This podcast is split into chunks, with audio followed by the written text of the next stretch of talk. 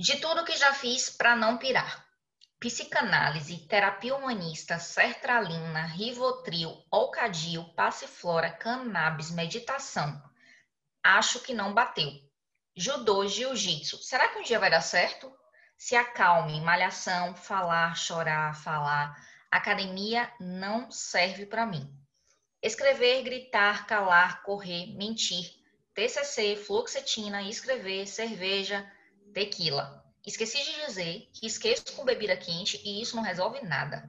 Dizer não, dizer sim, comer, vomitar e entender de perto, ninguém é normal.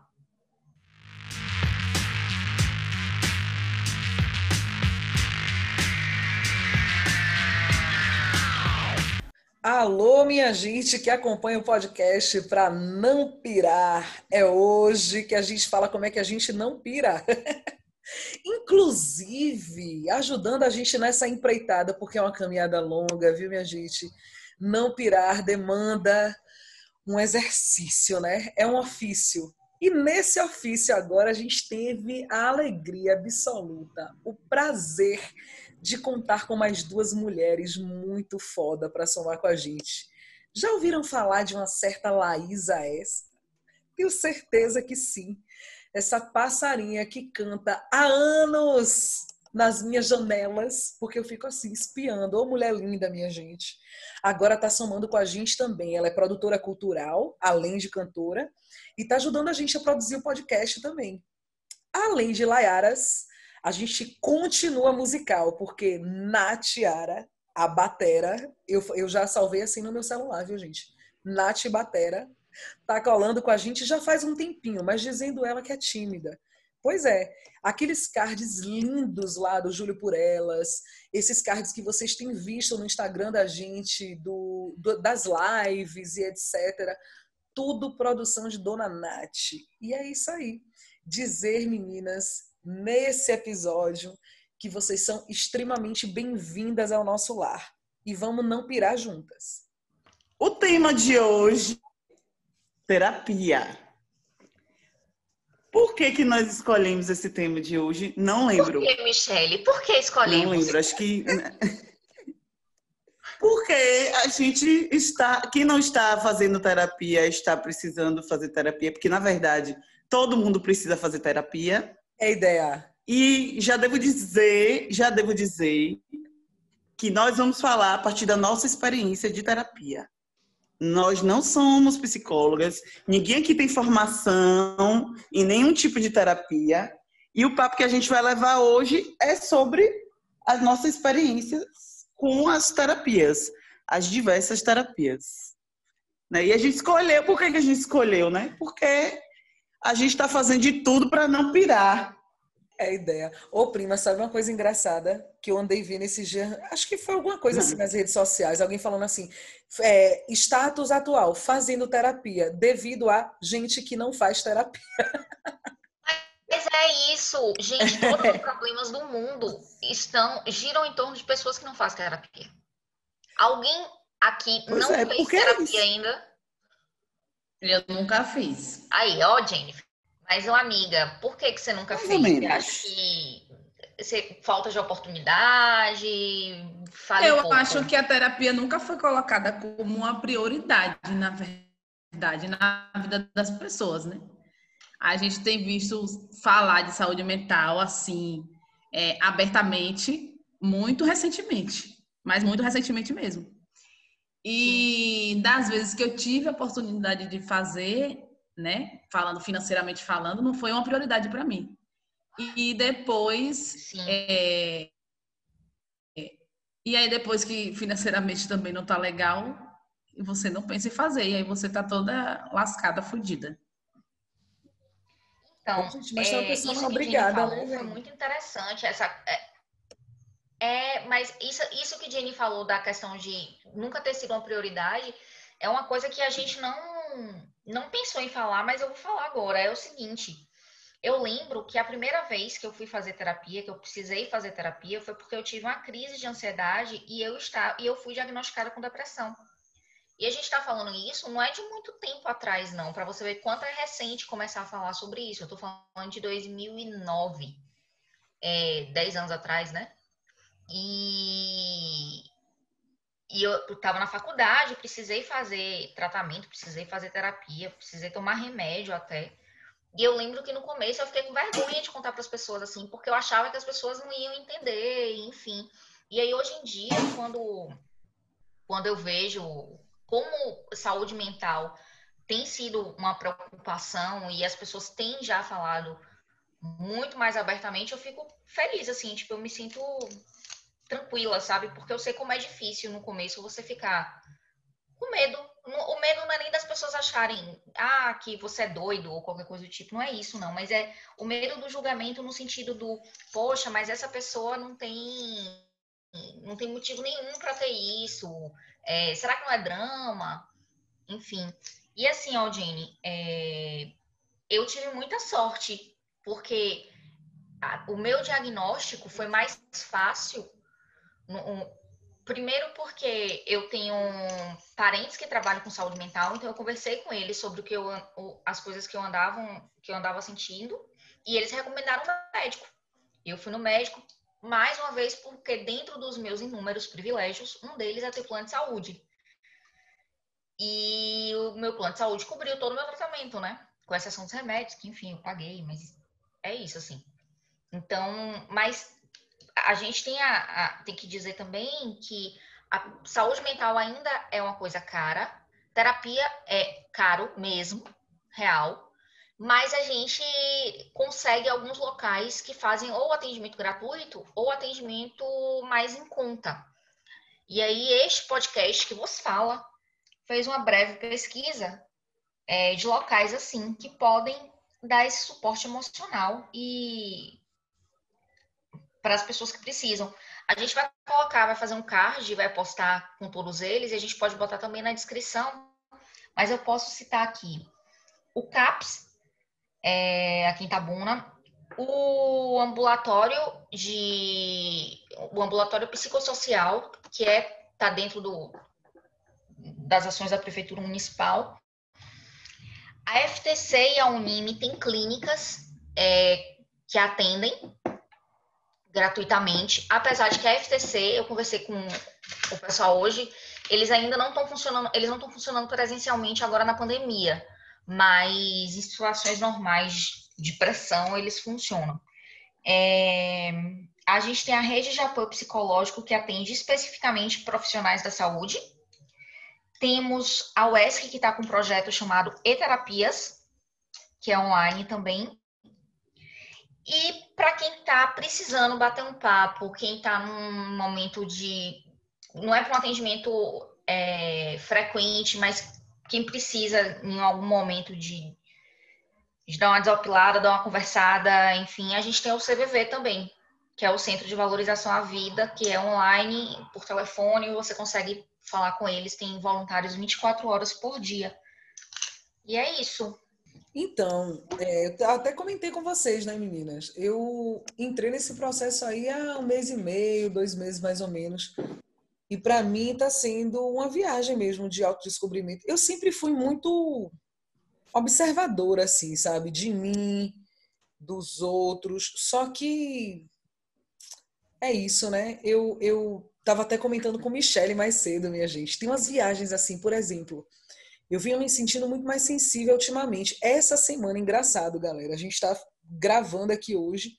Essa semana eu comecei a perceber um inchaço aqui no pescoço, não sei o que, não sei o que. Fui na endocrinologista. Provavelmente, claro, né? Tô passando por exames ainda.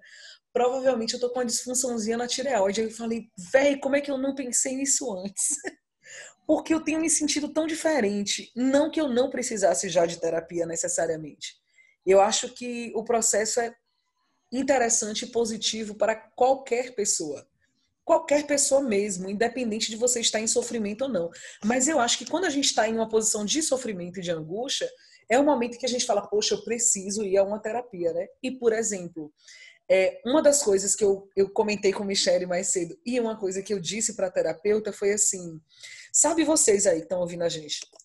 Quando você tá com um dente sensível, que tá desgastado o esmalte, e qualquer coisa, um vento que passe dói. Aí eu disse assim para ela: a minha sensação é que eu, eu, eu tô toda com esses furos e assim, né? É, se passa um vento, ele, ele me, me transpassa e isso dói. Dói, é, é, é um lance da sensibilidade mesmo. E assim, não, gente, acreditem, tipo, não, eu tô bem, eu, eu sei disso é, ativamente, assim, eu consigo racionalizar isso.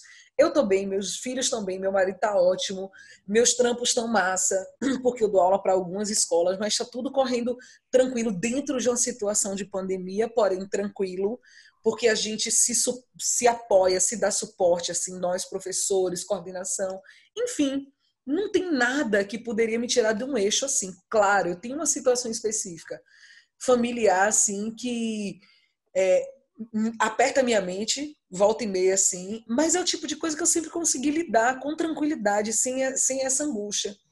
E aí, quando eu me vi parando de respirar, assim, eu percebendo, né, que eu tava, meu Deus, eu não tô nem respirando, pensando nas coisas e não sei o que, eu falei, não, velho, eu vou procurar uma terapia. E é isso aí, foi de linda. E aí eu quero citar uma figurazinha chamada figurazinha. É ironia, viu, gente? Pelo amor de Deus, porque Franz Fanon é um psiquiatra de peso. Depois procurem aí. É, quando eu pensei na terapia, e eu sou professora da área de linguagens, né, gente? Vocês já estão ligados que eu sou professora de inglês. Essa coisa da fala é uma coisa que me pega muito pelo umbigo. E a terapia que eu estou fazendo é a terapia onde eu vou falando, né? vou relatando situações, para psicóloga e tal, e ela vai me fazendo umas provocações ao longo do processo. E ele diz assim, de cara, de cara, no, no primeiro capítulo de Pele Negra, Máscaras Brancas, ele diz assim: falar é estar em condições de empregar uma certa sintaxe, possuir a morfologia de tal ou qual língua, mas é sobretudo assumir uma cultura, suportar o peso de uma civilização. Eu falei, eita porra! Porque para mim a coisa da fala, né? É, na terapia tem a ver também com você se dar conta de quem é você nesse, nesse mecanismo que direto vai lhe achatar, né, velho? Esse tecido social, por favor, gente, podem interferir, viu? Eu tô falando assim, mas que vocês acharem ou não. Mas é isso, eu fico, eu fico viajando nisso, do quanto esse existir socialmente nos significa e ao mesmo tempo é, nos espreme também, sabe? E é isso, eu vou, eu vou fazendo essas terapias. Doutora Eliane Nunes, amo. Beijo, linda, se você estiver ouvindo. E tá sendo maravilhoso, de verdade. Vou dizer assim, ó, eu sei que não é uma coisa rápida, gente. Não é. Até porque uma coisa que Keka me falou assim, o Brizoca, terapia assim, quando você acha que você falar com um problema, começa a futucar e você vai. Lógico, né? A gente é feito de camadas e camadas e camadas e camadas e camadas de vivências. Então, o que eu posso dizer é que, com sete ou oito sessões apenas, eu já não sinto mais esse lance da respiração, ainda que eu saiba que tem uma questão hormonal aqui rolando e tal, mas eu consigo, de fato, é, me sentir muito mais tranquila, estou dormindo muito melhor. Porque uma queixa que eu cheguei para ela foi assim: Poxa, eu deito para dormir e me custa, e isso nunca tinha acontecido comigo, me custa pegar no sono porque eu fico pensando e projetando o que eu poderia ter dito, o que eu poderia falar, o que a pessoa deve me dizer, e aí o que eu vou tentar falar para ela de volta. Aí ela já me disse de cara, gente, ela, ela deu esse bafão na minha cara na primeira sessão, falou: É, você tem uma questão séria com o silenciamento, né? Eu adoro ser silenciada, me sentir numa posição de silenciamento, né? Realmente, é, é, é assim, meus pontos de tensão em trabalho, em tudo é isso. É sentir que eu não posso é, contribuir com o que eu penso, com, enfim. E é isso aí, a terapia está sendo massa, depois de meia hora explicando. Tomara que vocês se sintam interessados, né, de repente, em, em, viajar nesse processo aí também. Tomara que seja bom para vocês. Só uma pergunta: qual é a linha que você está fazendo? É psicanálise? Fia, a mulher psicóloga. Eliane é psicóloga. Agora, eu imagino que seja psicanálise, né? Porque tem esse lance de ela, ela sempre começa as sessões me perguntando, e aí, o que, que você me traz hoje e tal? Aí eu falo, não, essa semana eu vim pensando em situações assim, assim, eu me percebi assim, assim, assim. E ela vai é, lançando provocaçõezinhas, né? Isso aqui, ó, na sua fala, você coloca isso, isso, depois você coloca isso, isso e aquilo. O que que você me diz disso aqui que você estava dizendo? Aí eu, eita, pega. É, é da hora. É, geralmente, esse, o, isso aqui que você me disse, você nem tinha pensado, você só disse. Você nem, nem, nem é uma questão, né? Com certeza. É. Diz aí, é. Eu tô amando. Então, eu já fiz terapia, eu já fiz não, né? Eu faço terapia há 10 anos. É, neste momento eu estou em alta, eu acho. Então não estou fazendo sessões. Minha psicóloga amada, querida, maravilhosa, doutora Margarida, eu te amo.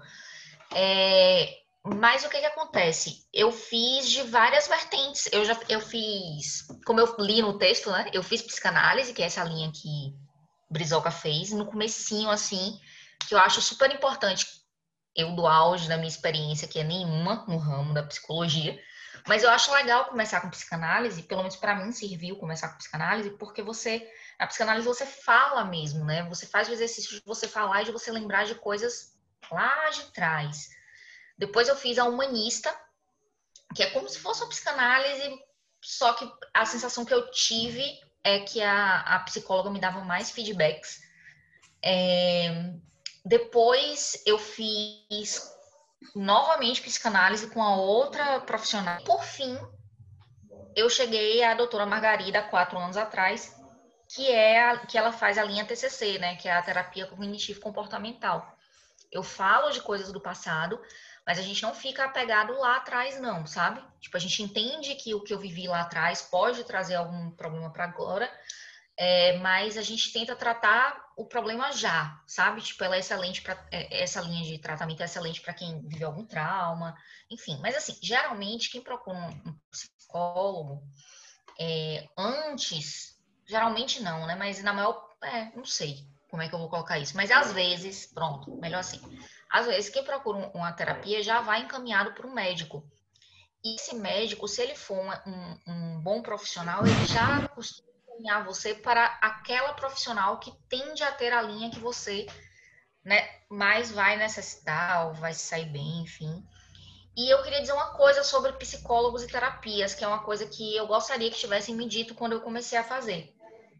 Que é, você não é obrigado a gostar do seu psicólogo de cara. Você pode ir, não se identificar e falar, velho, aqui não vai rolar, vou procurar outra pessoa. Ou então rolar por algum tempo e depois falar, não, não quero mais, vou procurar outra pessoa. E sair e procurar, sabe? Porque você precisa ter um. um precisa rolar uma coisa que eles chamam de rapport, eu acho. Que é você se identificar com, com a pessoa, para você ter confiança mesmo e se sentir livre para falar. Porque conversar com amigos, gente, é muito bom. É ótimo. É, é incrível que você tenha amigos que te ouçam e que te compreendam e que sejam empáticos. Mas conversar com um profissional é outro patamar. é tipo, é, é, você tem a certeza de que aquilo ali que você está falando está sendo processado de uma forma extremamente profissional, sem juízo de valor, sem impressões que a pessoa já traz de você diante, sabe? Porque assim, existir em coletividade, ter amigos, ter parentes, enfim, você gera nessas. As pessoas costumam gerar é, expectativas sobre você e costumam ter também impressões sobre você. E daí, se você chega para contar uma coisa para ela que para você é extremamente importante, ela tá ouvindo você falar, mas além de ouvir você falar, ela tá ouvindo também a impressão que ela tem de você já. Então é, é, é como se fosse uma conversa contaminada, digamos assim, sabe? E o, o psicólogo, ele não vai lhe dar conselho, ele não vai lhe dizer o que fazer, nada disso, ele vai te ouvir. E acredite se quiser, até alguém te ouvindo e falar é tão sensacional, sabe? A fala cura, cura mesmo, sabe? Falar a palavra, a palavra cura. Então, eu sou uma ferrenha defensora da, das terapias todas, acho também, isso que eu falei para Brizoca, é tipo, você chega lá e você vai falar sobre uma coisa, e aí é, você vai descobrindo outras coisas e vai descamando mesmo. E para finalizar minha fala, que também já está muito longa, eu queria dizer que se você já faz terapia há um tempo, não faça isso se você estiver começando.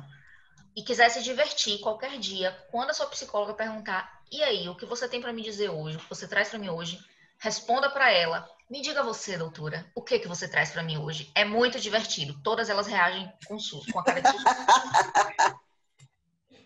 Eu queria levantar um ponto, né? Que você falou que, que normalmente as pessoas são encaminhadas por outro médico, né? Por um médico, sei lá, clínico geral, ou qualquer coisa. Ou clínico, é. Geralmente psiquiatra. É isso, isso é um problema na questão de se fazer terapia, de você ter que ir primeiramente a um psiquiatra. Já cria um. É um círculo aí que. de Não. chegada complicado. Não, não, Jane, você não tem que ir. Por exemplo, no meu caso, pelo fato de eu ter um plano de saúde, o meu tratamento precisa ser encaminhado por um médico. É isso, é isso, exato. Tipo, o plano de saúde, ele não te dá, que eu também já, já tive, né? É, ele não te dá a oportunidade de você querer se consultar com um psicólogo. Ele só lhe deixa você se consultar com um psicólogo se você for encaminhado por um outro médico para dizer que você tem algum distúrbio ou algum problema aí. Não necessariamente precisa ter algum problema aí, na real, sabe? É, antes, há um tempo atrás, eu posso estar falando uma besteira muito grande, gente, me perdoe, mas eu vou falar a partir do, da experiência que eu tive. No começo, nas primeiras vezes, tipo, 10 anos atrás, eu precisei de fato ir no clínico. Na verdade, eu fui primeiro no psiquiatra, é, e depois esse psiquiatra, o meu plano de saúde exigiu que não era um procedimento que ele fazia para todo mundo, era como se fosse um sorteio aleatório. Ele exigiu que eu passasse por uma perícia. E eu fui numa perícia em um clínico. Inclusive, esse clínico eu gostei mais do que o meu psiquiatra e nunca mais larguei dele. É, e ele me encaminhou para o psicólogo. Anos depois, eu precisei novamente ir para o psicólogo. E aí eu pedi uma guia, um clínico, mesmo, explicando que eu já tinha feito terapia, que eu, que eu gostaria de fazer, e eles dão a guia, você vai e faz. Entendeu? E aí o que, que acontece? Antes, 10 anos atrás, a cada 10 sessões eu precisava voltar e solicitar novamente uma guia. Hoje em dia já não é mais assim. O próprio psicólogo pode ir renovando, porque se entende que a terapia é um processo contínuo mesmo. É, eu não acredito que a terapia deva ser para sempre sabe? Tipo, não é como se fosse uma muleta que você vai usar para o resto da sua vida, não é isso. Mas é um tratamento que é contínuo, é longo, as coisas vão acontecendo, sabe? Eu passei por momentos em que, por exemplo, eu estava tendo alta, estava já no que a gente chama de desmame, né? Então, ao invés de eu estar fazendo uma sessão por semana, eu já estava fazendo cada 15 dias para entrar uma vez por mês em, em, em sessão e aconteceu um trauma comigo, eu tive que voltar tudo. Então, assim, Hoje em dia, é, o que acontece é, para você acessar, por exemplo, Brisa não deve ter passado por um médico, Brisa pode ter procurado diretamente a psicóloga. Mas aí é e achei no Instagram, isso, beijos para vocês, Foi. achei no Instagram. Mas é isso, amiga, é o acesso, tipo, para você ter esse acesso particular, é tranquilo, você vai na psicóloga e paga. Mas para você ter esse acesso público e pelo plano de saúde, você tem que ter, é, justificar justificar porque você tem que ter é, é, porque você tem que ter um psicólogo, porque você precisa fazer terapia. Existe uma justificativa dentro dos moldes da, da saúde, na burocracia da saúde. Entendi, entendi. Sim. Entendi Sim. a questão. Entendi, entendi, entendi. E, e, e, bem na real, velho, público não rola, né? Vamos, vamos ser. Eu que uso o SUS, não rola. Não tem. Você não consegue marcar. O médico até te encaminha, mas você não consegue marcar. É isso, eu uso o SUS também, prima. Não, e aí, o que, que aconteceu com relação a mim? Quando eu fui vendo essas situações, eu vi uma fala de Raquel Prudente, que é uma bicha que eu respeito demais. Uma psicóloga que eu acho punk. E, claro, por ela ser minha amiga, eu sabia que eu jamais poderia virar e falar: Ô oh, Raquel, tem como eu fazer umas sessões com você? Porque não pode, né? Justamente esse lance do distanciamento que Érica citou. E aí eu vi Raquel comentando na página do Insta de Eliane, dizendo: pô, velho, você é foda, você é isso. Você... Aí eu falei, velho, interessante. Vou mandar uma mensagem para ela no DM, ver o que ela me diz. E aí eu abri a real para ela assim, ó, sou professora em pandemia, etc, etc, etc. E ela foi super acolhedora, inclusive viu assim questão de, de valor assim para mim, diferenciado dadas as minhas condições, porque eu não tenho plano de saúde há muitos anos, muitos mesmo. E é isso, é bem o que a Jenny falou mesmo. Não é acessível, não é. Não, é, não é. Não pode deixar de comer ou de fazer as coisas dos filhos para poder fazer terapia, né? Eu não vou mentir que me apertou. Me apertou, mas eu tô conseguindo, tô segurando a onda, mas me apertou. E é isso, só que eu percebi que eu tava precisando, né, minha gente? No meu caso, eu senti Agora, a sensibilidade Ô, Jenny, mal. O que eu tava falando antes do Zoom interromper a gente, Zoom patrocina nós. É, é que eu conheço duas pessoas que usam o, o ambulatório psicossocial aqui é, de Tabuna. E as duas pessoas são extremamente satisfeitas com os profissionais. Sim, é difícil de marcar, sim, é complicado, sim, é restrito, mas ainda assim é, eu ouvi falar extremamente bem dos profissionais, tanto dos médicos psiquiátricos, psiquiátricos, psiquiatras, meu Deus, como dos psicólogos também. Sim, é, é, é complicado. Ô, amiga, então agora deixa eu contar minha experiência. Ah, eu lembro da sua experiência, Michele. Eu, eu... A gente estava é, esperando Pois é, você é, com... é, já vou esculhambando, não, já vou esculhambando mesmo. E não é, não vou falar mal do SUS que o problema não é o SUS. Eu defendo o SUS com unhas e dentes até a morte. Grudarei no SUS. Jamais falarei mal do SUS. Eu falo da gestão municipal, Sim. né, que e, e, como ela e como ela trata a, a os, os, pacientes psiquiátricos daqui de Itabuna. De, é, e paciente psiquiátrico mesmo, Jenny, porque assim é, eu vou contar do começo como foi minha relação com a minha saúde mental. por causa, a gente está falando, né? Tem essa, essa ruim, é, não é? Eu descobri que eu tinha é, síndrome do pânico e transtorno de ansiedade generalizado no momento que eu estava mais fodida de grana na minha vida. Mas fodida, fodida, que eu não, ai, não sei nem lhe dizer o quanto eu estava fodida de grana. E aí, fui encaminhada para um psiquiatra que me passou remedinhos e falou: você faz um, toma um remedinho e faz terapia. E me encaminhou para a terapia. Nunca consegui marcar essa terapia pelo SUS. Nunca, nunca, nunca. Né? Não, não, não, são muitos poucos profissionais. A fila é enorme. E aí, né, no correr da vida, você acaba negligenciando. E eu fui negligenciando isso por quê? Porque eu tinha um remédio. E o remédio aliviava meus sintomas, né? O remédio vai ali, ó, segurando sua onda. O remédio funciona meio que como uma muleta. Isso foi em 2008, quando eu fui diagnosticada a primeira vez. E de, eh, nos primeiros meses, eu tive oito crises de pânico, de parar no hospital. E fiquei peste, oito vezes. Miséria. Oito vezes. Eu chegava no hospital achando que estava infartando, com todos os sintomas de, de infarto, e era crise de pânico. E aí, remedinho, durante muitos anos. Remedinho, passei por vários traumas, várias coisas.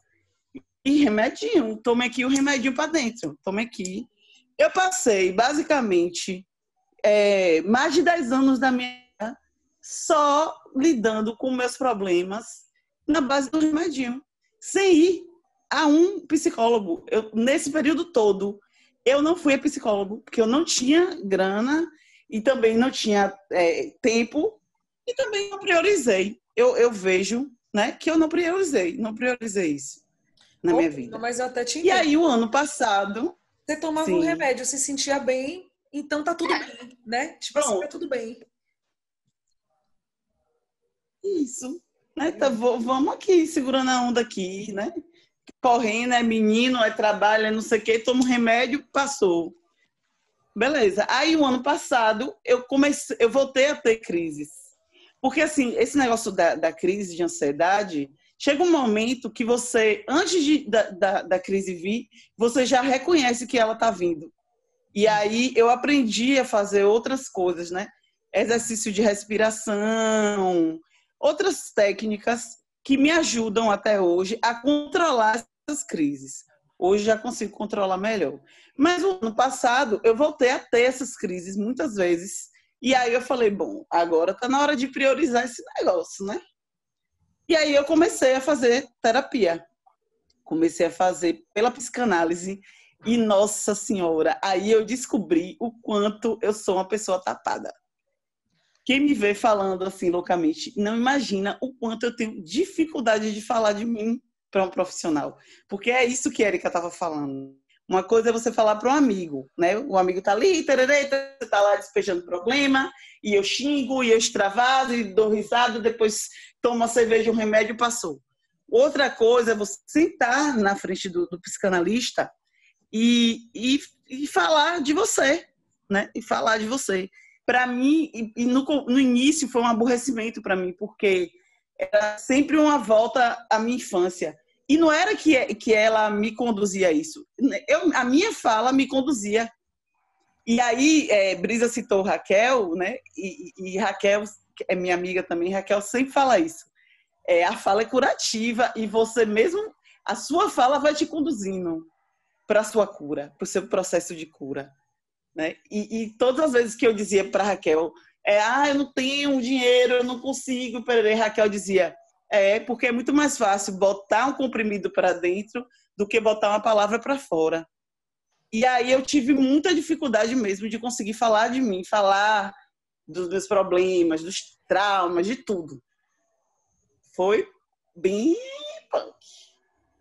Mas aí, é, aos poucos, eu fui me soltando e falando, às vezes me aborrecia, ficava muda. Um dia eu cheguei lá e fiquei muda.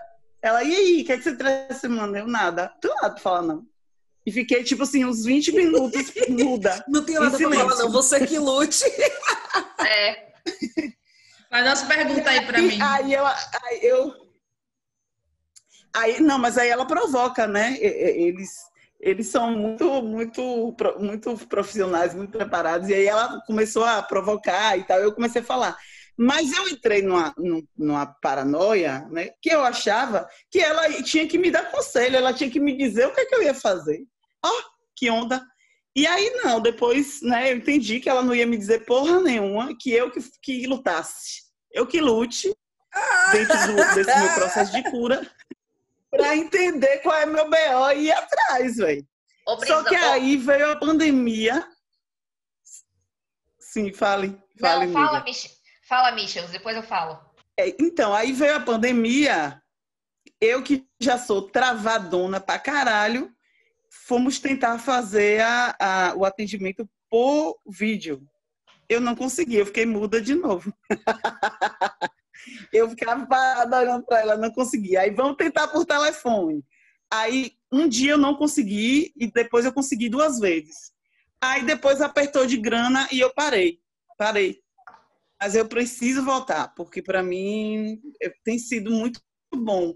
É, a gente acaba se redescobrindo, né? Fazendo descobertas e ativando algumas coisas da memória que parece que a nossa memória, para nos proteger, escondeu lá, bem escondidinho no inconsciente da gente, para a gente não sofrer, mas que a gente precisa futucar.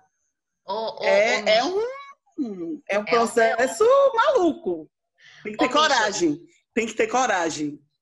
Duas coisas disso daí que você falou, que eu acho que, assim, a primeira é essa, essa coisa dos insights, né? Que é essa, essa coisa do você vai falando e você vai lembrando e você vai entendendo e vai fazendo isso nas sessões. Como eu fiz a, eu, como eu fiz muito tempo, hoje em dia eu já tenho os insights sozinha, sem sem provocação e até sem a terapia, sabe? Tipo, Sim. eu já cheguei de tipo assim, já eu estar tá aqui e aí eu penso tal coisa, sei lá, eu vou pensar é, Deixa eu ver um exemplo que eu posso dar. Mas não vou dar um exemplo muito claro, não, senão eu vou ter um insight. Mas vamos dizer assim, que eu pense assim, nossa, essa parte. senão eu vou ter é, um não, insight. Não, porque senão eu vou. É, Adorei. Não, porque senão eu vou, vou, me expor muito. Mas, por exemplo, vamos dizer assim, que a minha parede é branca. Eu sei que ela é branca. Só que aí eu olho para ela e eu penso, caralho, velho, essa parede hoje tá meio cinza.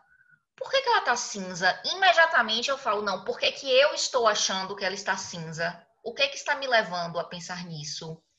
Hum, será que é porque meu olhar está viciado neste sentido? Enfim, é complexo. Talvez isso não tenha ficado claro, não. Foda-se vocês que lutem pra Não, tá, ah, claro, tá claro. Não, é... tá, tá, claro, tá claro. Outra coisa, assim, também. Eu queria que falar acho... também um pouco. Sim, fale, Keka, fale. É, o, outra coisa também que você falou sobre essa questão de chegar na terapia e começar a ficar travada. A gente foi ensinado pelos filmes e pelas novelas da Globo de que terapia é uma coisa em que você chega, o psicólogo vai estar sentado num divã, é, vai estar sentado numa poltrona de couro, vai ter um, um divã lá, você vai deitar nesse divã e você vai falar, falar, falar, e ao fundo vai estar soando uma música calma, ou você não vai conseguir falar nada, ou você vai ter uma crise histérica e começar chorando. Eu demorei, sei lá, oito anos para conseguir chorar numa sessão de terapia. Porque eu ia para terapia. Ah, bicha. Em várias, em várias A coisa que eu mais faço na terapia é chorar. Pois Já, é, eu só é dei risada até agora. Eu vou chegar lá. É isso, Brizoca, Mas você é pisciana, Michelle. Choro. É, não, gente. Você... Escute, escutem, só escutem eu chorar, é, é, eu ia para terapia, eu dava risada o tempo inteiro, eu fazia piada da minha vida o tempo inteiro. É, e aí um dia eu falei, eu ainda estava na analista, na época na, na psicanálise, e eu falei para ela, eu falei, oh, eu acho que esse negócio aqui não tá funcionando não. Primeiro porque ela não me dava feedback, né? Porque psicanalista não dá feedback, você só fica lá falando loucamente. Falei, ó, oh, eu acho que esse negócio não tá funcionando não aqui. Ela, por que, Érica, você acha que não está funcionando? Porque o que psicanalista pergunta para você é isso, é por que você por que acha você, isso? Por que você está dizendo isso? Por que você está dizendo isso é. que você está dizendo? Não sei, porque eu quero. Eu falo, eu sei lá, véi. É. Aí eu disse para ela, porque eu, eu nunca chorei. Lá essa semana. É. Conta aqui. aqui. É, aí eu falei, porque eu nunca chorei. Ela falou, um dia você vai chorar. Corta para. Anos depois, já em doutora Margarida, essa psicóloga que é da terapia cognitivo comportamental, num belíssimo dia de sol, em que não tinha nada acontecido na minha vida, assim, nenhuma novidade. Cheguei lá, de vez em quando eu falava de alguma série com ela, algum livro, alguma coisa assim, e ia ser mais uma dessas sessões. Eu cheguei lá e eu não sei como, não sei, não sei. Eu sei que a gente tocou em um assunto que não tinha nada a ver com nada, que eu nem minha filha, eu comecei a chorar, minha sessão era 5 horas da tarde. Eu parei de chorar 10 horas da noite.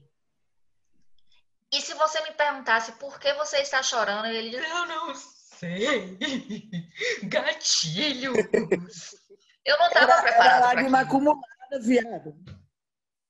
Era então, lágrima assim, acumulada. Tá tudo bem chorar tá tudo bem não chorar também. Tá tudo bem você sentar no, no consultório da sua psicóloga, abraçar um sapo verde e falar sobre as séries que você assiste e sobre as impressões que você tem dela. E tá tudo bem também você chegar um dia lá e falar, velho, eu estou na merda, eu preciso contar uma coisa que tá me doendo muito. Então, assim, terapia ela não tem um formato. Ela é o que você precisa. E cada um precisa de uma coisa diferente. É isso. Arrasou. Belas palavras. Ófia, eu sempre choro. Primeiro, eu sempre chego dizendo que não tenho nada para falar. Então, não falar, não.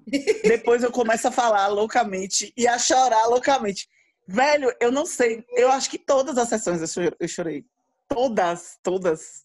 Eu choro sempre. Loucamente. Eu choro pouquíssimo. Eu e... chorei a primeira vez nessa e depois disso, sei lá, algumas vezes assim, eu dei alguma choradinha de leve, mas em, em temas muito Muito gente, eu acho que eu não choro na terapia porque eu choro assistindo televisão, lendo É isso, eu choro eu acho toda hora. também. Então, canceriana, né, amores?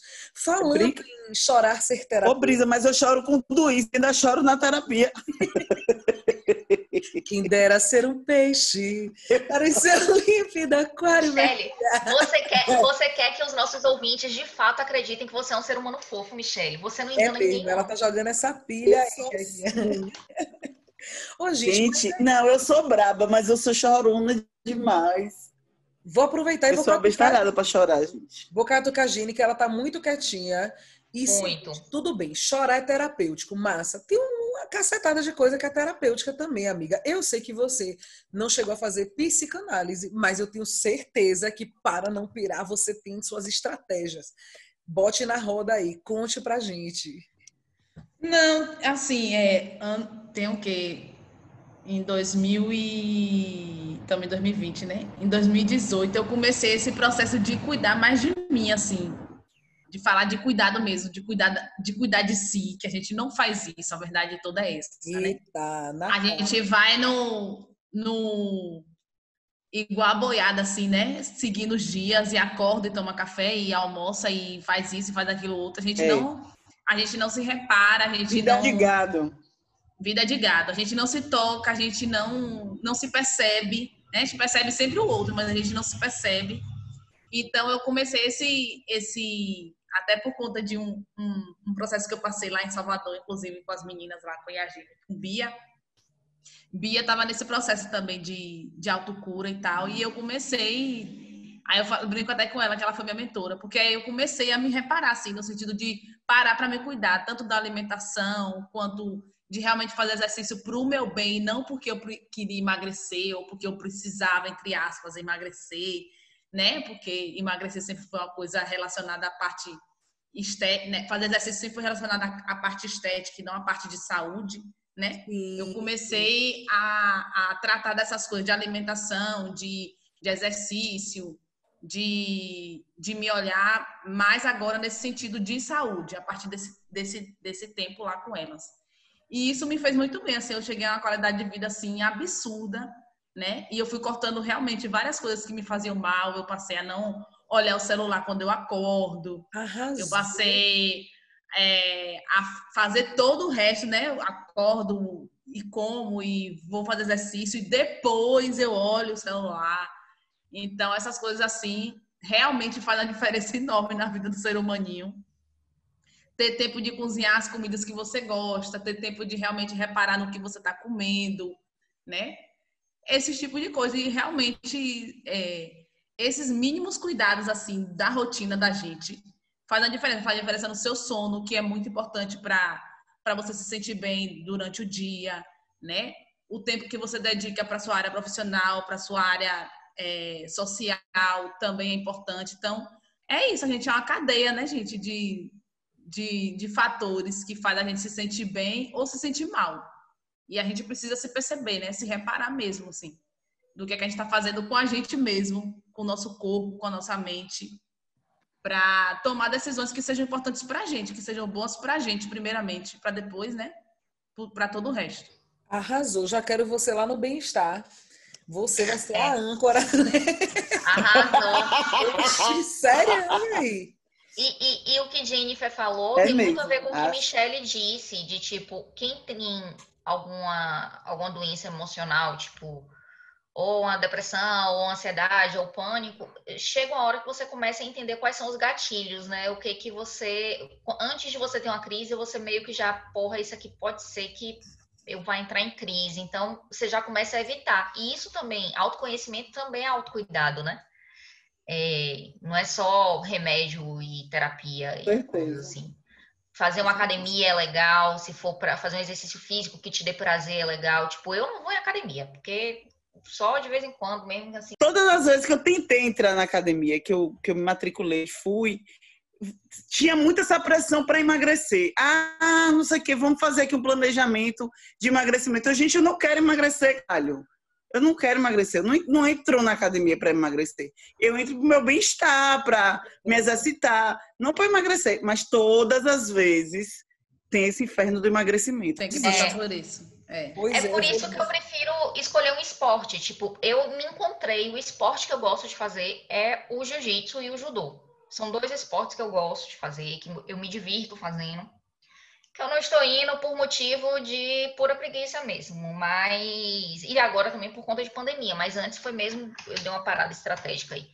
Mas, mas suar o corpo alivia a mente, alivia gente? Inclusive Exatamente. é o mote da minha, da minha amiga Yajima, que tem um clube um grupo para ajudar as pessoas a não pirar, inclusive, suando o corpo e aliviando a mente. E aliviando a mente. Vamos botar também ela na listinha aí de arroba. Nossa produtora Laísa essa está aqui dizendo que ela não gosta nem de gente que gosta de academia, quanto mais. Mas é. o corpo e alivia a mente com Yajima. É Exatamente. Isso. É totalmente diferente, gente. É. Vibe. Sabe o que eu odeio de academia, gente? Fala, fala aí um pouco mais sobre esse, esse negócio do clube de Agima, desse negócio aí? Então, Pode Yajima, deixar as informações? Yajima é uma pessoa que começou na pandemia, né? Por conta dessa, dessa questão das pessoas não, não irem mais, né? Se exercitar na rua e etc., a questão da quarentena. Ela criou um grupo com as mulheres para poder se exercitar em casa. Então, ela, ela três vezes na semana, elas malham juntas, né? Cada um no seu lar. E, e no dia a dia ela vai conversando com elas e vai enviando também alguns alguns links de exercícios para as pessoas fazerem, para elas fazerem. E são poucos minutos no dia que vai fazer seu dia muito melhor, tipo 30 minutos, 40 minutos, uma hora de uma hora. Ai, maravilhosa. Segue lá, minha gente. Iagima Silena e Iagi. Iagi. Iagima Silena. Anotado. Uma coisa que me faz odiar com todas as minhas forças a academia é o tipo de música que se toca em academia, aquele tipo de som me incomoda. E é para dizer que para mim fazer som é algo terapêutico. Então viver dentro de uma casa com Mita é maravilhoso nesse sentido. Porque ele pega o violão. Ah. Tem dia que ele tá tirando uns chorinhos, gente. Pô, é massa demais. Eu sou privilegiada, sim. Vou usar o meme. Você é, querida. Porque é, né? eu também sou privilegiada. Kequinha também. E agora tem o tal do Vitinho também, que fica aqui tirando sons, o caçulinha. E é massa, é isso. Para mim, uma coisa muito, muito mesmo de equilíbrio, de tranquilidade é fazer som, cantar, velho, cantar. Às vezes, se eu tô me sentindo mais assim, eu começo a cantar mesmo. Literalmente, quem canta seus males espanta. E isso aí, para mim, é terapêutico. Ah, verdade. Para mim ah, é. verdade. Eu não sou cantora, mas cantar também, ouvir som para mim também é maravilhoso. Não é, menina? É, bom é vigora a alma, é cura mesmo. Certeza. E Nossa, tem horas música também, gente, é... eu sou canceriana, eu gosto do drama. Tem horas que eu quero chorar. Aí eu boto aquela música para chorar também.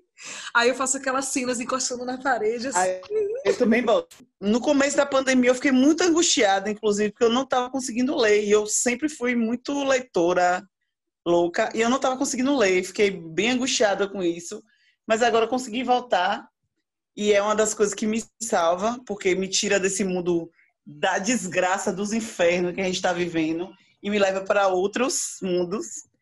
Então a leitura me leva, é bom demais. É, cantar também, eu canto muito em casa, escuto muita música. Eu leio para meu filho, é uma coisa que eu gosto de fazer. E aí agora eu comprei o tal de violão, né? Para aprender a tocar. Não aprendi porra nenhuma até agora. Hoje eu ia falar, aí sim, batendo, aí você gravando. Não aprendi não, amiga. Só aprendi dois acordes. Não, bicha. Aprendi dois acordes e um dedilhado. Que Mita me ensinou. Que Mita para me ensinar. Aí aprendi isso, mas fico aqui, ó. Tan, tan, já quebrei a corda do, do violão. Enfim, já trocou. Tô aqui brigando com ele e tentando aprender. E, é, assim, vejo muita série, muito filme. É, é muito, é, é, é, muito esse contato com, a, com as artes, né? Ai, dançar também, para mim. A dançar, é que dançar também entra aí nessa conta. Porque dançar é, ah, é expurgar tudo que é. Então, e, e, esses encontros com os amigos também é, é, o que me ajuda a não pirar. É verdade. Aqui a gente vai fazendo como pode. É, nesse a momento. gente faz um encontro no Zoom, inventa um negócio, faz umas lives esculhambadas para dar risada com os amigos. É o que está indo, mas tá, tô sentindo muita falta do encontro presencial com os amigos, porque os amigos e a arte Salva. são as coisas que me salvam mesmo. Salva, real, verdade.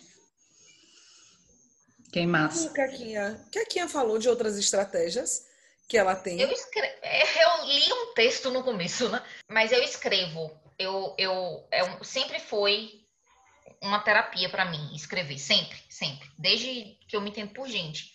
E agora na pandemia é, foi um hábito que voltou, que é antes eu escrevia muito no computador e aí deixava lá, enfim. E durante a pandemia eu come, voltei a fazer um diário e aí que era uma coisa que eu não fazia há muito tempo e tem me feito bem. Escrever diário. Olha, gente, a próxima geração vai ter um diário da pandemia assinado por Érica Coutrinho. Ai, em nome de Jesus. parceira. É importantíssimo. Isso é importantíssimo. Ô, gente, por favor, inclusive eu queria fazer um merchan. Eu posso fazer um merchan? Claro, Faça, minha filha, seu você merchan. deve. Você Ah, deve então, fazer. eu vou fazer dois merchan. Oxente. O primeiro merchan é o merchan do arroba uma ruma de texto, que é o meu blog, Tumblr e Instagram, onde eu posto meus textos e coisas assim. E eu tô escrevendo muito e eu gostaria muito de ter o feedback das pessoas que estão lendo. É, Eu preciso parar de ter medo desses feedbacks, eu preciso assumir o que é que eu sou e eu sou escritora. Então, por favor, me leiam. Gostaria. E o outro merchan que eu gostaria de fazer é o merchan das lives de Michelle e o Ilan. São lives todos os sábados. Rapaz, não faz. Vou fazer esse merchan sim. São lives todos os sábados com conteúdo interessantíssimo para maiores de 18 anos. Tá? A esposa de maloqueira. Ou seja, ou seja, a gente passa a noite de sábado falando putaria. Gosto que você traduz logo. Isso. Mentira, gente, não é só, não é só putaria, mas a gente fala sobre, sobre amor, a gente fala sobre amor, sobre afetividade, né? Sobre várias coisas, mas tudo descamba em putaria, não tem jeito, porque o povo tá lá é pra isso. Porque Sobre o Tinder, mundo. So- sobre o Tinder, sobre os boys escroto no Tinder, sobre as pessoas não saberem paquerar, É. sobre várias coisas. Levo pra vida. Eu já fiz meu merchan, né? Deixa eu ver aqui se eu quero ler alguma outra coisa. Peraí. Ah, eu quero. quero deixar... Eu vou posso falar. Ah, fale. Fale. É, é um trecho de um livro chamado O Pai da Menina Morta, de Tiago Ferro, que eu li recentemente. E o trecho diz assim: Nós também somos feitos de espaços em branco. Então, o meu, o meu levo para a vida hoje é isso. Que mesmo que a gente seja muito definido por coisas que nos aconteceram e por nossas dores e por nossas vitórias, nós ainda ai- nós ainda temos muitos espaços em brancos, então tá chegando aí esse momento setembro amarelo e a gente vai falar muito sobre saúde mental como um todo e vai ouvir falar muito sobre saúde mental. Não tenha medo dos seus espaços em brancos, porque eles ainda têm muito para serem preenchidos.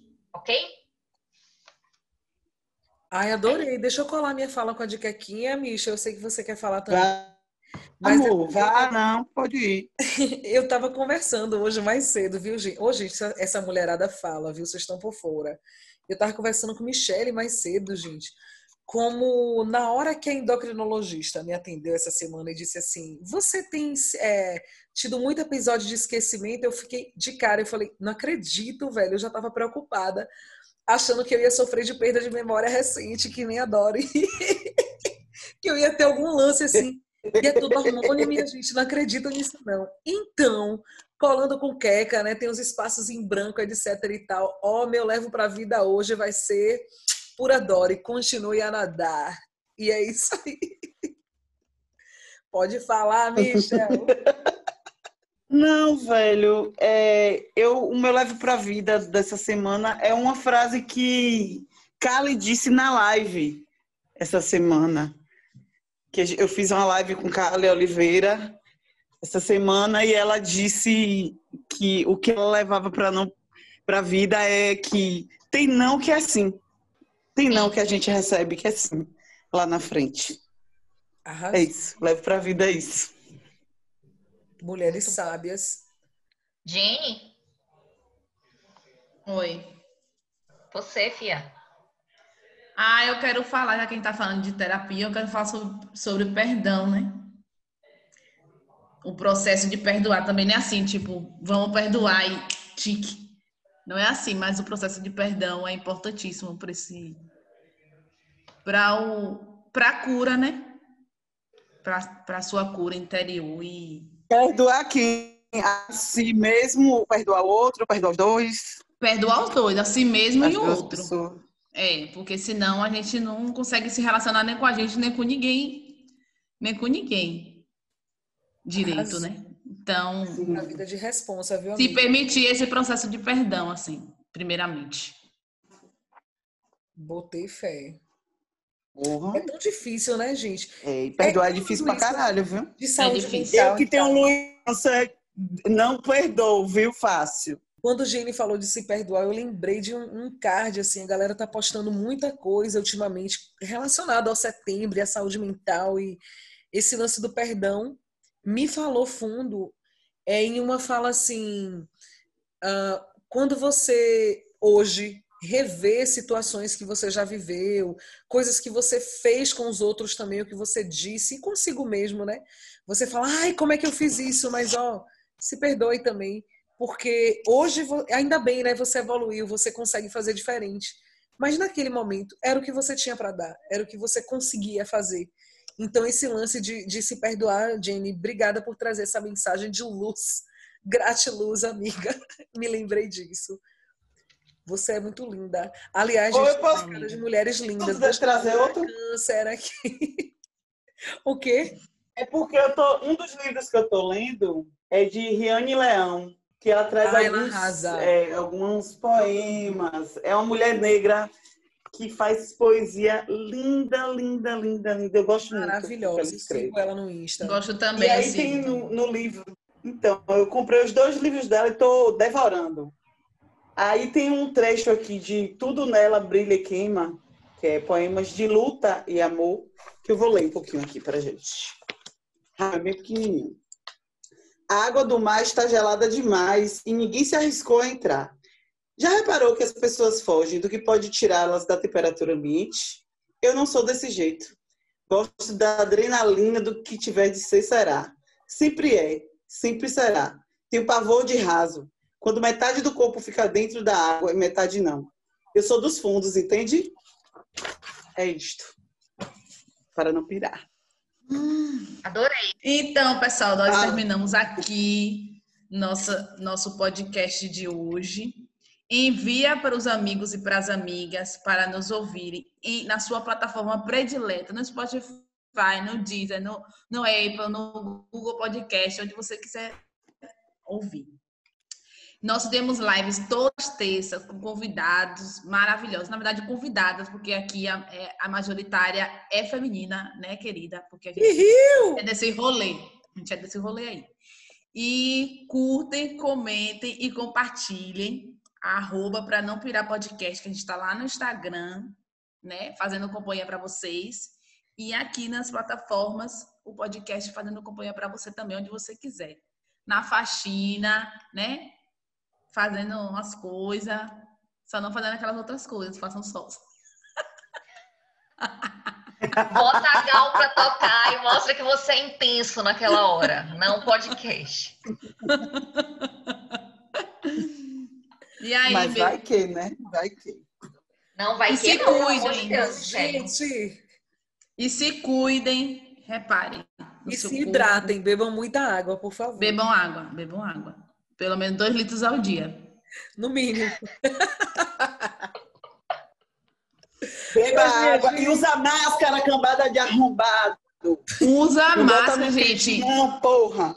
E outra coisa, máscara não é vacina usa máscara e máscara não é vacina. Ok, gente? Por favor. Faz isso pelo coletivo. Então tá bem. Um beijinho para todos. A gente volta já. Quer dizer, beijos. Beijos. Beijos. Tchau.